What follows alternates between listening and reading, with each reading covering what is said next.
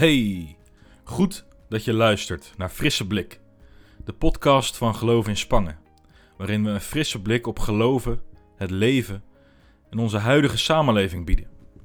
We proberen te ontdekken hoe het verhaal van God, een verhaal van hoop, tweede kansen en nieuw leven ons kan helpen in ons eigen leven, waarin rekeningen betaald moeten worden, collega's niet altijd meewerken ons leven waarin de dingen soms heel goed en soms helemaal niet lukken. Oftewel, een frisse blik op het echte leven. Het is vandaag maandag, het begin van een nieuwe week.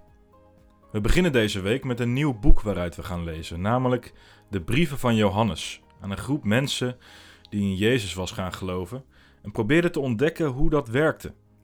En daarbij kunnen allerlei vragen opkomen. Wie is Jezus eigenlijk? En wat betekent zijn leven en sterven voor mij?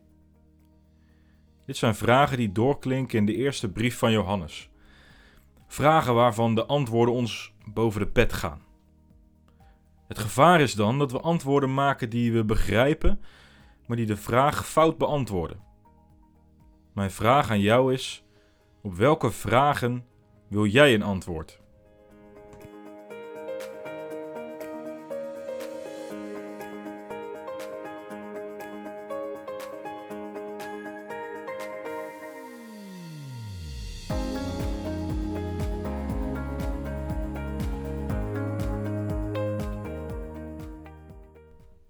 Johannes valt direct met de deur in huis.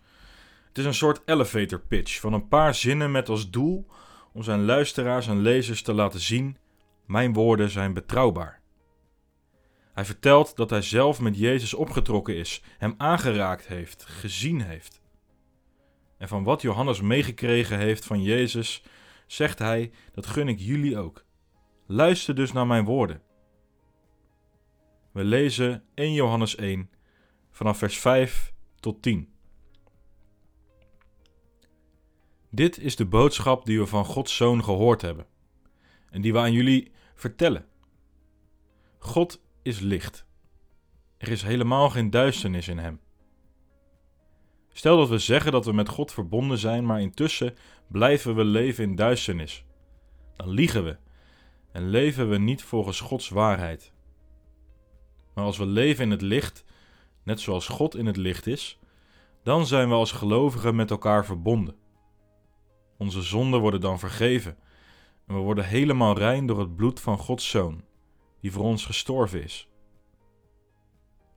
Als we zeggen dat we nooit iets verkeerd doen, bedriegen we onszelf. Gods waarheid is dan niet in ons.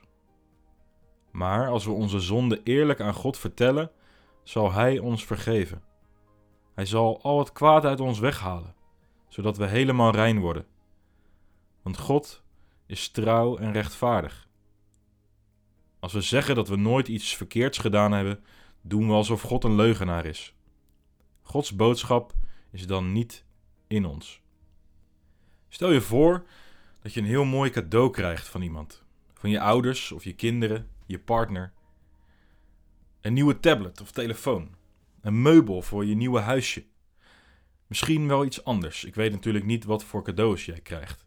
Maar het is prachtig, nieuw, precies wat je wilde hebben. En dan? Je tablet valt. Je morst koffie op de nieuwe bank die je net gekregen hebt. Of morst wijn op je nieuwe jurk. Je kunt poetsen wat je wilt, maar die vlek of barst gaat er niet uit. En nu komt degene die jou het cadeau gaf straks langs hoe ga je dat vertellen? Durf je die nog onder ogen te komen of ga je proberen het weg te moffelen of te repareren zonder te vertellen dat het gebeurd is? Stel je voor dat je het vertelt en er dan achter komt dat diegene een nieuw wondermiddel heeft om de vlekken eruit te krijgen. Je angst en schaamte verandert in vreugde en blijdschap. Het voorbeeld gaat niet helemaal op, maar een soortgelijk gebeuren zien we hier in 1 Johannes 1. Hoe gaan we om met het cadeau dat we krijgen van God?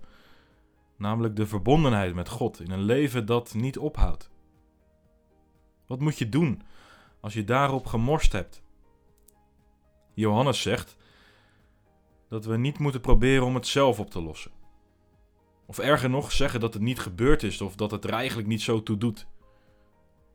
Nee, hij wijst op Jezus en zegt: Daar, daar moet je heen. Wandel in het licht.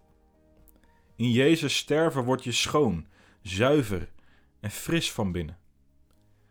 En daarin ontvangen we de verbondenheid met God en met elkaar. De vlekken en barsten worden heel gemaakt. Maar als God zo werkt, genade als wondermiddel, dan zouden we gewoon door kunnen gaan met waar we zelf zin in hebben. Wat trouwens soms, of best vaak, niet is wat God zou willen. Dat klinkt misschien logisch, maar is heel vreemd. In het voorbeeld van het cadeau zou je dan expres de tablet laten vallen of koffie over de hele bank gooien, want het wordt toch wel schoongemaakt. Nee, geniet in plaats daarvan van het geschenk van nieuw leven, van verbondenheid met God.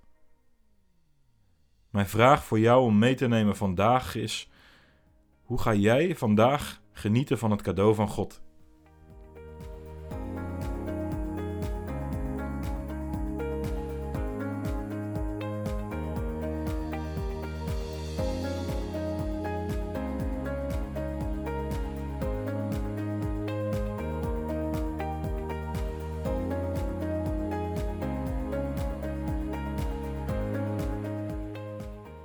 Laten we bidden. Goede God, we danken dat U zichzelf aan mensen wilt verbinden. Ook al maken we steeds opnieuw vlekken, barsten en deuken in ons eigen leven en in het leven van andere mensen, we danken voor het wonderlijke geschenk van genade. Help ons om verbonden te blijven met U, om zo vanuit geloof en hoop te leven in het licht. In Jezus' naam. Amen.